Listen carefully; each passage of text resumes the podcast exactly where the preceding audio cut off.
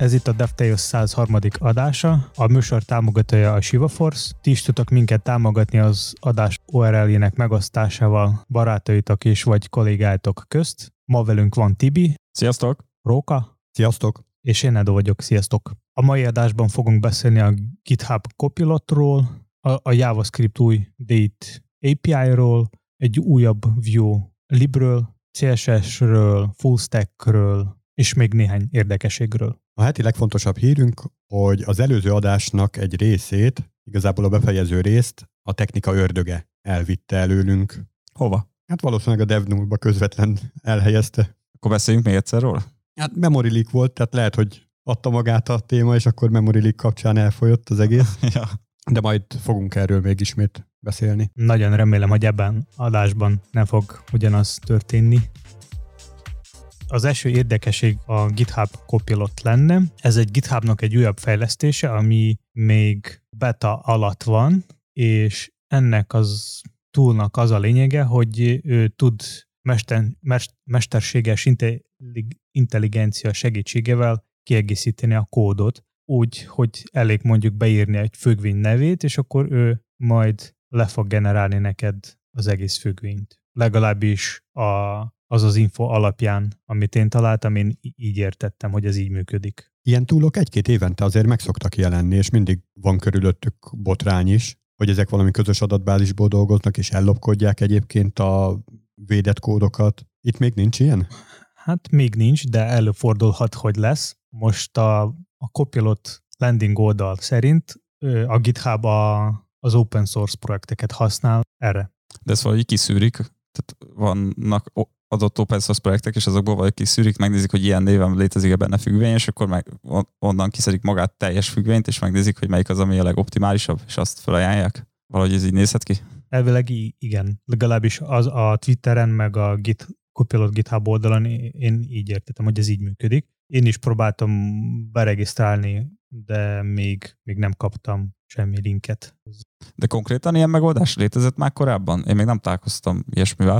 Tehát, hogy komplet függvényeket így be tudtál illeszteni kódba, név alapján? Igen, egy jó régebbi adásunkban volt is erről szó, hogy valamilyen plugin segítségével az idében lehetett erre, erre rávenni, hogy valamilyen mesterséges intelligencia segítségével próbálja meg kitalálni, hogy mi lesz ott a jó releváns kódrészlet. Itt ugye tényleg az okozza a legnagyobb fejtörést, hogy amik kódok készülnek, és amikből ő dolgozik, azok vajon milyen licenszelési politika alatt állnak, és hogy azok felhasználhatók-e így. Hát open source projektből, ha kiszeded elvileg, az, az lopásnak számít jogilag. Hát attól függ, hogy milyen licenszelés alatt van. Lehet, hogy olyan, hogy vidd és használd, ahogy csak akarod, lehet, hogy olyan, hogy meg kell említeni, hogy honnan hoztad. Jó, csak mondjuk, hogyha valaki csinált egy projektet, és használta egy hivatalos API dokumentációt, mondjuk, mit tudom én, Twitterről, megcsinálta saját projekteket, belerakta valamilyen licencet, ami mi, amelyik szerint nem lehet az ő kódját használni, viszont valaki más közben ugyanúgy a Twitter doksi alapján megcsinálta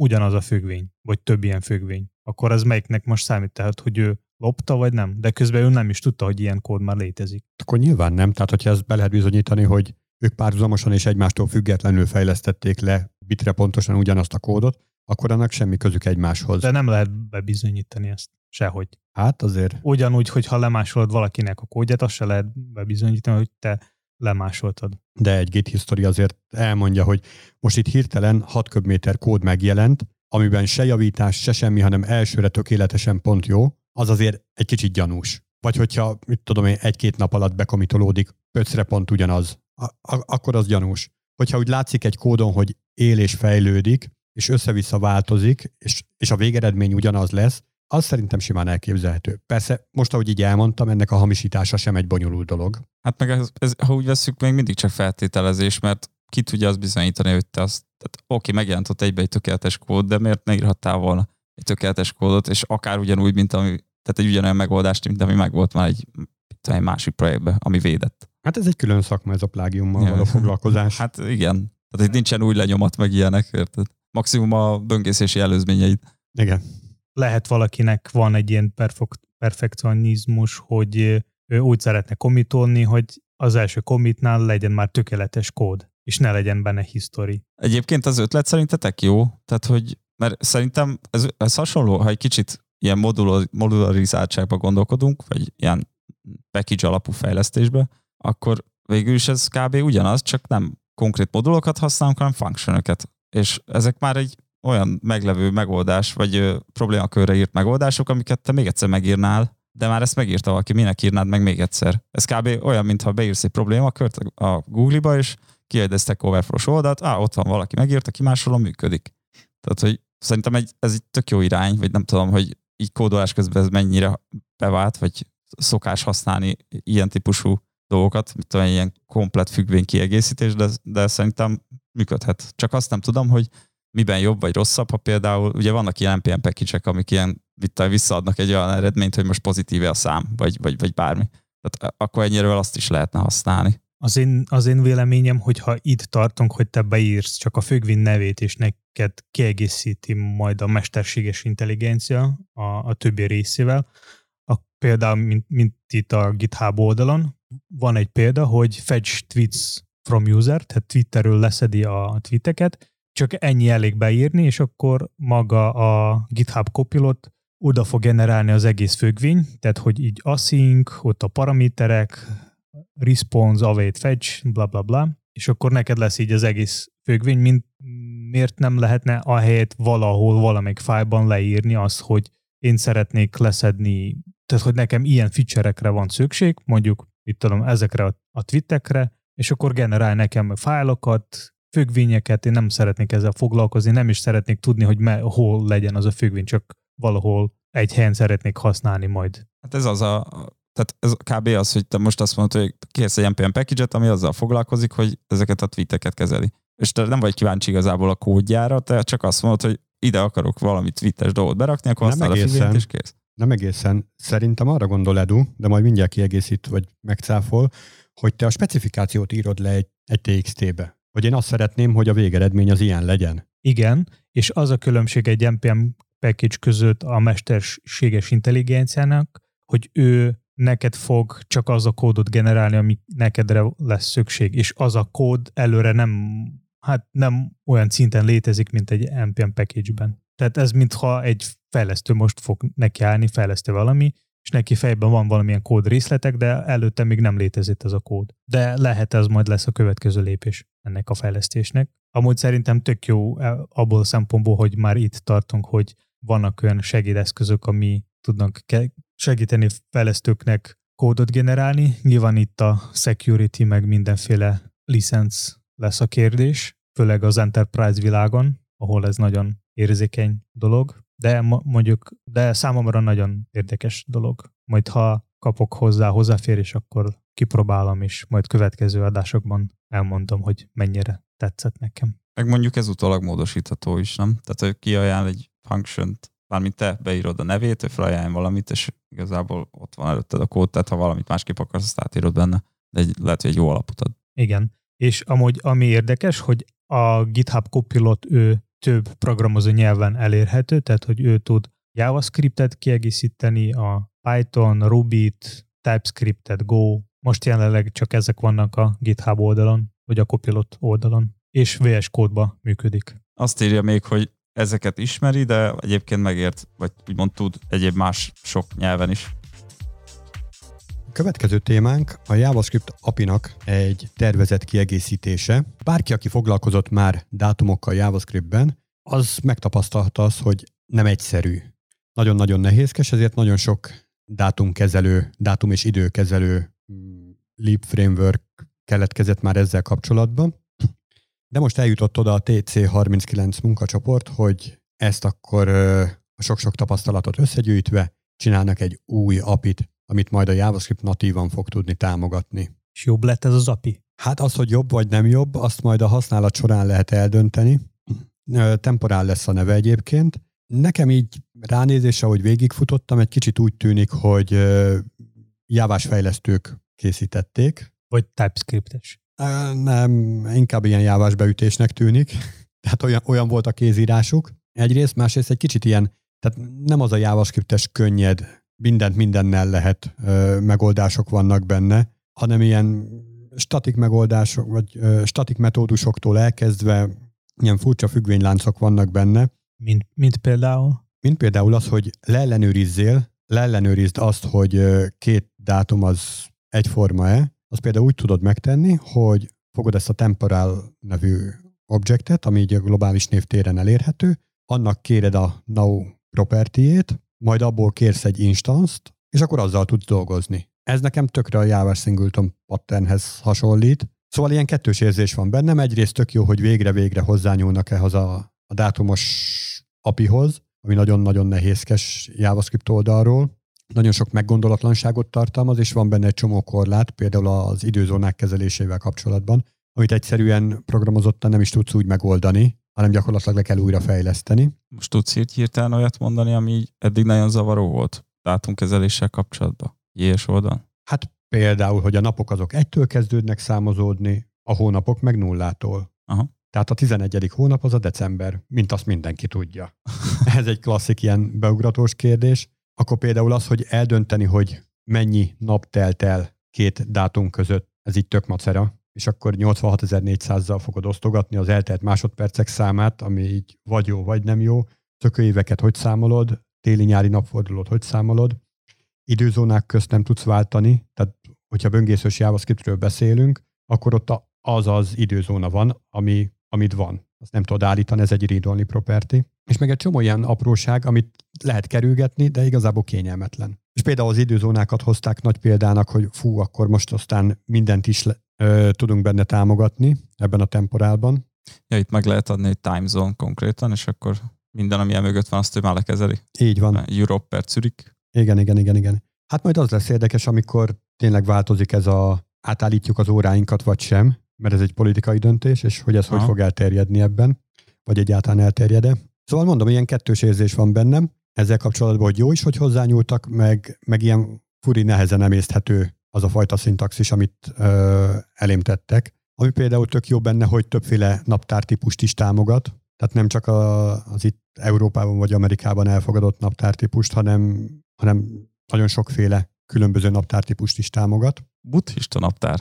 Például azt is. Viszont igazából van egy olyan dolog, amire nem ad választ ez sem, és ez igazából, hát nem is tudom, hogy annyira programozós feladat-e, de hogyha így számítástechnika terén sikerülne megugrani, akkor az akár el is terjedhetne világszinten. Ez pedig az a problémakör, hogy amikor így órákat, perceket, napokat, hónapokat, meg éveket számolunk, akkor valójában több egymástól teljesen független és különböző dolgot próbálunk összeegyeztetni. Most arra gondolok, hogy egy napot felosztottunk 24 órára, tudjuk, hogy egy nap az éjféltől másnap éjfélig tart, és hogy ez valójában a Földnek a tengely körüli forgásának az ideje. És akkor tudjuk, hogy egy hónapban abban 28, 29, 30 vagy 31 nap van, attól függően, hogy éppen milyen szabályok vannak, szökőnap van, vagy nincsen szökőnap, meg ilyesmi. De hát egy hónap az, hogyha így a történelembe visszatekintünk, az azért egy hónap, meg azért nagyjából ennyi, mert egy, a holdnak a ciklus változásai azok nagyjából ennyi idő alatt zajlottak le. De a holdnak a föld körüli keringési ideje, és a napnak a,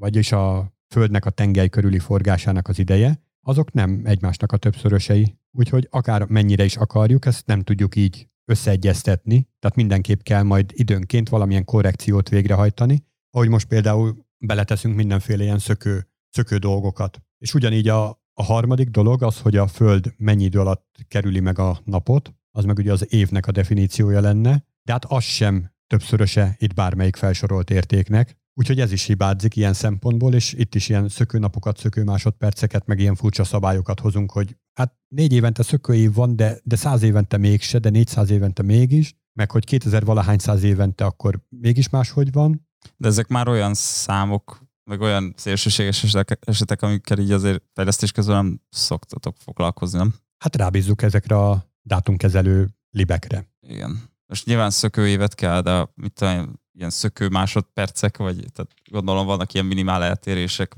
tehát hogy mennyi idő alatt fordul meg a Föld, ott is lehet egy kis eltérés, hogy tized, század másodperc, nem tudom, fogalmam sincs pontosan, gondolom, Hát ami átlagolás egy nap. Kicsit bizonytalan vagyok, de minthogyha rém lenne nekem egy olyan hír, hogy volt, amikor elrendeltek így egy ilyen szökő másodpercet, és abból volt valamilyen kamatszámítási probléma, hogy éjfélkor visszaálltak egy másodperccel, és akkor kétszer volt éjfél, valami ilyesmi, jó pár évvel ezelőtt. Szóval ilyen azért van. És pedig annyira egyszerű lenne a, a, a megoldás, hogy kitűzünk egy napot, hogy most, amikor így az adás kimegy élesbe, mondjuk lehetne az a, a nulla időpillanat, vagy akár választhatjuk azt az 1970. január 1 is, ahogy az már van, és abból számítanánk mindent. Nem kéne ezzel vacakolni, hogy most a január az hány napos? 30, 31? A fene sem emlékszik rá, és ezt külön meg kell tanulni az iskolába. És hiába tanulod meg, nem jó, mert matematikailag nem helyes. Tehát hát csak valami olyan formába kell tönteni, amit könnyebb megjegyezni. Most matek, matek, tehát, hogy... És milyen fázisban van ez a, az új API?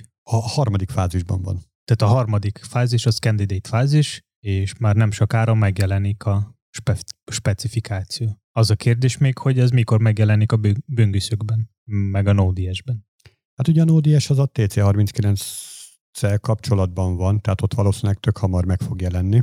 Itt ugye nem is annyira a desktopos böngészők, inkább a mobil böngészők, amik érdekesek, hogy mikor fogják használni, mikor fogják beültetni saját magukba. Hát mondjuk a Chrome ebből szempontból sokkal előrébb van, mivel ott sokkal gyakra, gyakrabban kijönnek a frissítések. A Safari az, ami évente frissül csak leginkább, tehát mármint ilyen nagyobb feature-ek. És ebben az évben már elhasználták? Igen. Ó, hát akkor jövőre. Igen, tehát ebben az évben össze fog kijönni új, új óprendszerek Apple termékekre, és akkor ott megjelenik a, az új verzió Safari-nak, de ott már fejlesztenek, de mivel most a beta alatt van a legfrissebb Safari verzió, még lehetséges, hogy fognak belerakni, beimplementálni ezt, a, ezt az apit ebben a verziót, de én szerintem még nem. Minden esetre az ezzel foglalkozó blogcikket azt majd belinkeljük az adás leírásába. Nemrég találtam egy elég érdekes views változatot, amelyiknek a Petit View a neve, nem Peti, hanem Petit. Petit és ez igazából ilyen, hát lehet mondani minifájolt verzió view-nak. Pici view. Tessék? Pici view. Pici view, igen, ilyen mini view, amelyik leírás szerint 5.8 kilobyte, viszont közben majdnem minden feature tud, mint maga a view. És ez egy mondjuk elég jó kon- konkurencia lehet azoknak a keretrendszereknek, aki, amelyeknek hasonló kicsi a méret. Most például a Priactre gondolok, vagy a Svelte-re. Azt tudjuk, hogy mi került ki belőle, hogy ez ilyen pöti legyen? Vagy mit, mit optimizáltak rajta, hogy ez ennyivel kisebb lett? A szóközökkel identálást kidobták. A kikerül, kikerült feature között van a ref, computed, a Petit View nem használ Virtual DOM, nincs reaktivitás a collection típusokra, mint például map, set és hasonlók, nincs transitionek, keep alive, teleport, suspense, nincs, nincs v4 deep destructure, nincs v-on, object, v-ease és components ease, nincs még v-bind style, ezek, a, ezek az összes feature, ami elvileg dokumentáció szerint nem elérhető a mini view-ba. És ezek közül van olyan, ami fájdalmas, hogy nincs benne? Hát ez elég hosszú lista volt, de a Computed ez megütötte a fülemet, azt elég gyakran használjuk. Mondjuk ref is lehet ilyen, Igen. meg talán... Jó, de a refet azt például tudod helyettesíteni. Tehát azt, azt kerülő megoldással azt el tudod érni. Mondjuk nagyon ritka eset még a, a VIS lehet, még ami fájdalmas. Tehát aki ezt használta, annak kell átírni.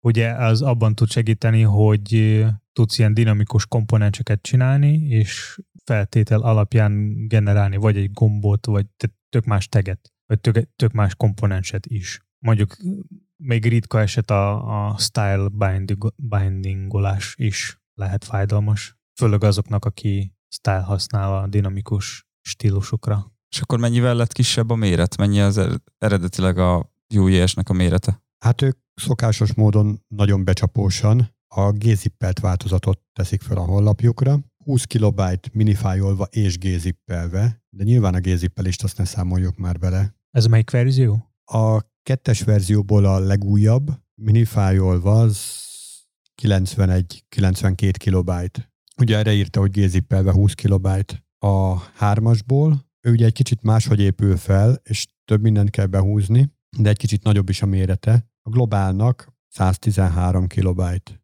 Azért ehhez képest az a hat az nem tűnik rossznak. Igen, az nagyon-nagyon karcsú. Mondjuk az lenne a legtutibb, hogyha ezekből a feature-ökből, amik így hiányoznak, ezekből azért össze lehetne kattingatni, hogy pontosan mire is van szükséged. De a View 3-ban pont így van. Hát csak az alapja a View 3-nak egy kicsivel nagyobb. Igen, csak ott van a tree shaking, és elvileg, Kidobja a View-ból? igen, azokat nem fog bildelni. Hát, hogyha CDR-ről használod, akkor, akkor dobhatod a tree shakinget, mert hogy akkor azt, ami a CD-nem van, azt fogod használni, és azt mindenképp letöltődik. Igen, vagy használsz ezt a View, Petit View, Uh-huh. és akkor nem is kell CD-n, mert csak 6 kilobyte. Mondjuk szerintem ez mindig jó, hogyha van ilyen alternatívák, ami inspirálnak fejlesztők ilyen kisméretű libeket, keretrendszereket fejleszteni. Igen, hát ezt gondolom a Vue-nak a fejlesztőit is fogják motiválni, hogy még egy kicsit kapják össze magukat. Most lehet hülye kérdés, de most az első témához visszatérve, hogy mit van jogunk használni, meg mit nem, de most születik egy ilyen lib, például ez a Petit View, ez alapjaiban gondolom a Vue-ból szed ki dolgokat. Most a Vue az open Ötlet. source. Ötletként azt használja, igen.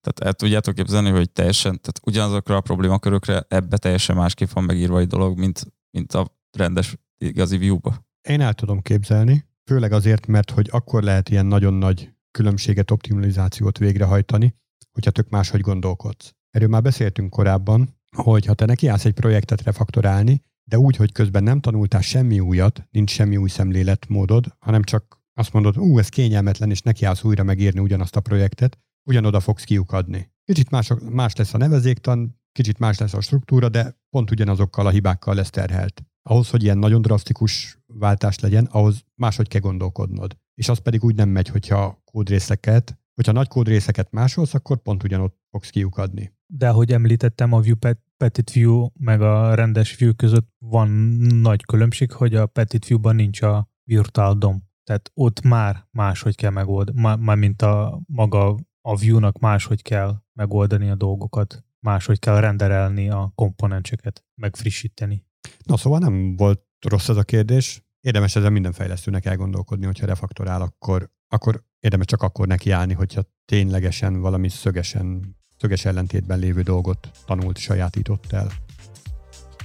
Lea Vero megcsinálta egy eléggé érdekes CSS quizet Twitteren, amelyikben 82% fejlesztő hibásan tipelte. És a quizben az volt egy kis CSS rész, ahol volt def- rootban definiálva egy CSS custom property, amelyiknek az accent color volt a neve, és a sky blue az értéke, és kicsit lejjebb a div-ben fölül írta az accent color custom property-nek a, az értékét revertel. Lehet egyáltalán nem rootban definiálni ilyen változót? Nem, csak a rootbe kell definiálni, és a többi helyekben tudsz fölülírni. Uh-huh. Igen, és még lejjebb van egy background, ahol egy várban egy vár függvény van, és ott két paraméter van. Az első paraméter a maga a custom property-nek a neve, és egy orange nevű property. És az volt a kérdés, hogy milyen lesz a háttérszín.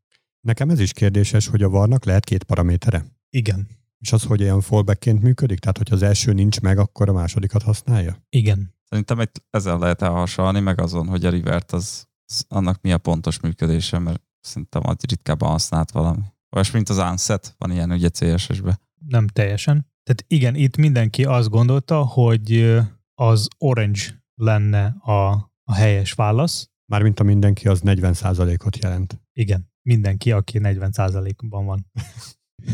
A 18 és 18.1% arra tippelte, hogy Sky Blue, 18% arra tippelte, hogy transzparens lesz, és 24.6 a- akinek nem volt semmi ötlete, hogy mi, mi, mi lesz a, milyen lesz a háttérszín. És ugye azt tegyük hozzá, hogy több mint 1700 ö, kitöltés volt. Hát itt a, a kulcs az a revert rész, nem? Tehát azt kell megfejteni, hogy ez mit csinál a eredeti Sky Blue értékkel. Igen, arra lehet tippelni, vagy legalábbis szerintem azok, akik Orange-re tippelték, ők arra gondolták, hogyha a, fő, a custom property felülírásban a revert az fog csinálni, mintha az a változó nem fog létezni, tehát hogy revertálni maga a változót, és akkor így fog a, fel, fallbackelni a vár függvény, és így lesz az orange.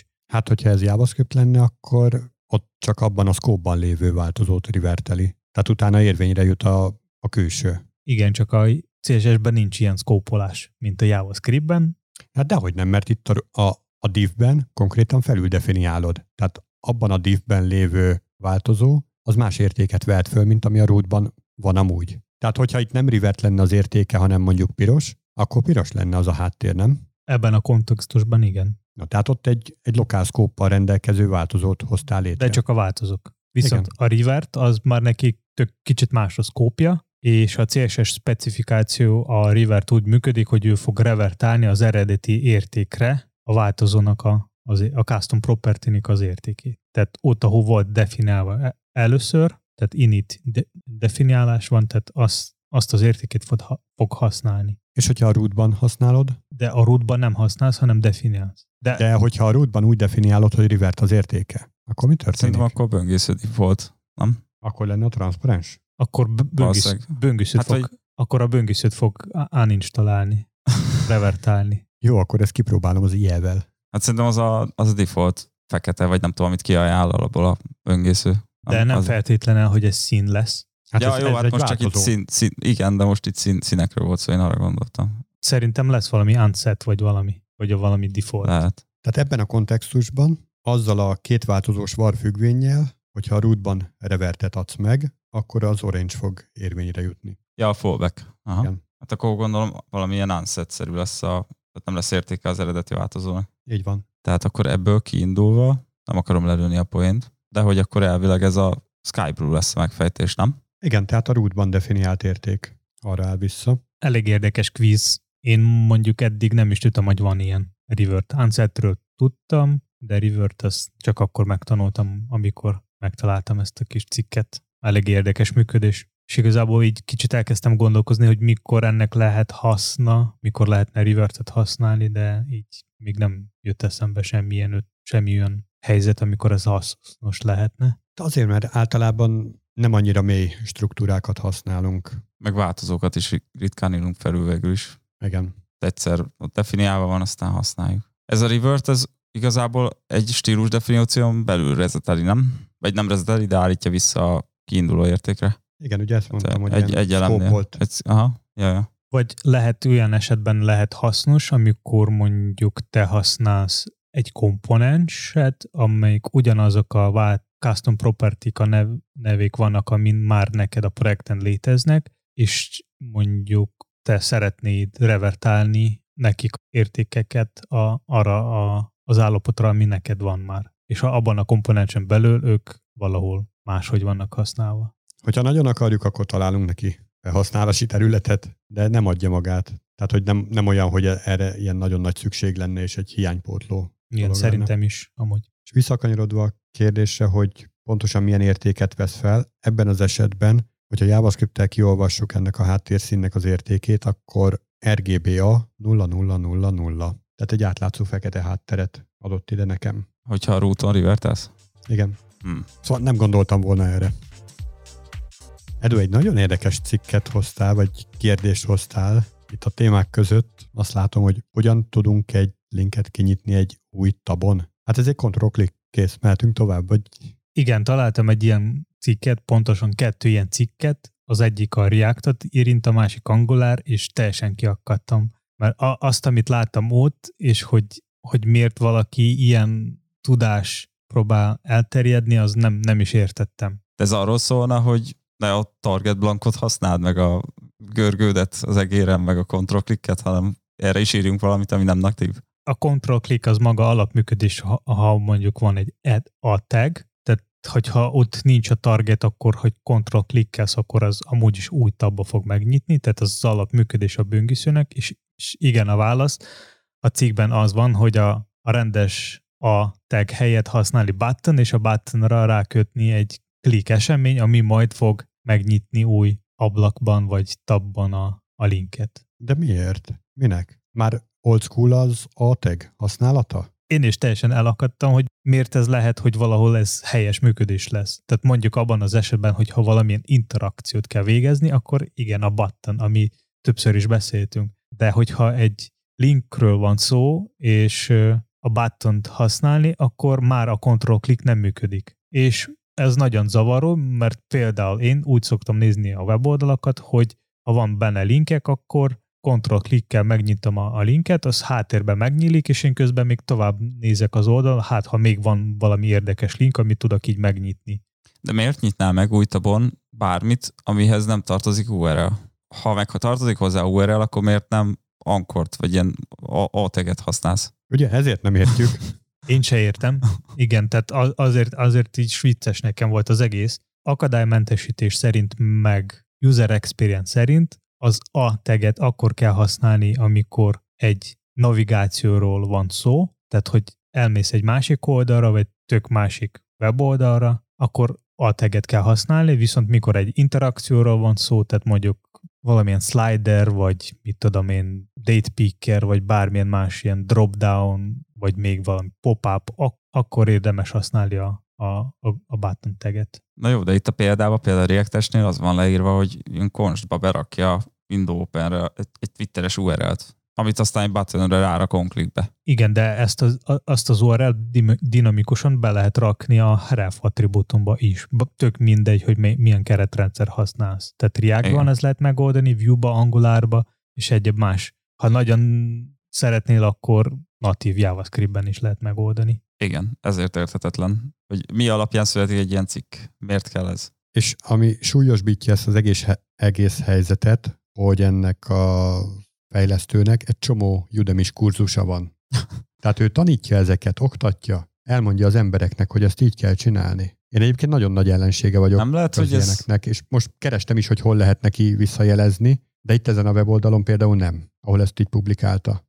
Nem lehet, hogy ennek valami, emögött valami olyasmi lehet, hogy ilyen clickbait, tehát hogy ilyen, nem tudom, bizonyos analitikák csak linkeket számolgatnak, hogy, tehát már, hogy konkrétan a tegekre való, való klikkelést, és button nem, és akkor ez ilyen rejtett URL-re ugrás, hogyha buttonre raksz egy ilyen funkciót. Nem tudom, tehát hogy próbálok valami értelmet találni benne.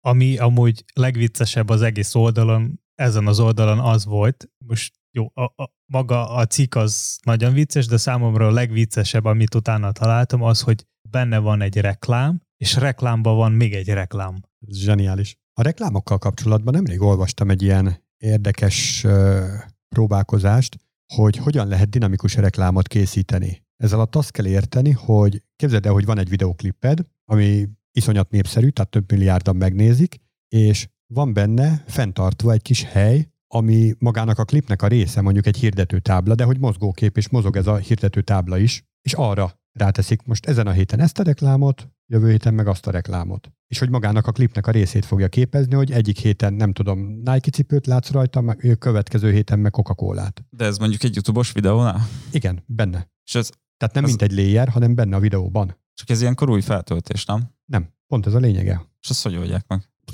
Ilyen dupla layeres videó, vagy, vagy micsoda? Ilyen... Sze, mondom, tehát nem hinném, hogy ez layer, hanem ott a háttérben valahogy, tehát feltöltésként nem, nem újat definiálnak, csak lejátszáskor rárenderelik, és nyilván itt fontos szempont az, hogy a te keresési előzményeid alapján te olyan személyre szabott reklámot kapjál, ami neked fontos. Lehet, hogy a YouTube is tud már ilyen, ilyen AB tesztelést. Miért is ne?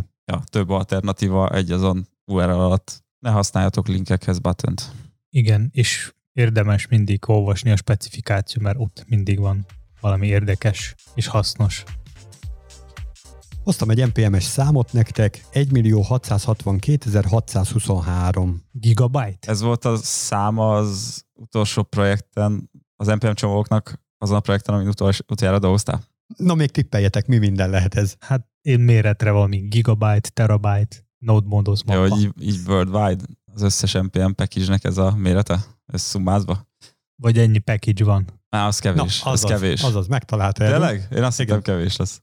Keresgéltem sokáig, hogy pontosan hány darab NPM csomag lehet, mert meg is szüntették ennek az apiát, ahol ezt le lehet az összeset kérdezni, mert egyszerűen olyan sok csomag van, hogy ez performance problémákat okozott. Illetve, hogyha az NPM search használod, akkor ott is már csak lapozva, és max 250 találatot tudsz elkérni, és csillagra nem is lehet szűrni. Viszont egy replikában azért rendelkezésre áll még ez a mennyiség, és hát most nem emlékszem pontosan, mert délelőtt töltöttem le egy ilyen 100 és 150 megabyte között van csak az az információs JSON, ami ezeket a package-eket leírja. Van benne egy ID, meg egy uh, hash kód. És hogyha csak az ID-t teszem bele egy sima tömként, akkor is több mint 30 megabájtos. És olyan csomagok, tehát elől olyan csomag van, hogy kötőjel, a végén pedig nem is tudom, 20 valahány darab Z betű.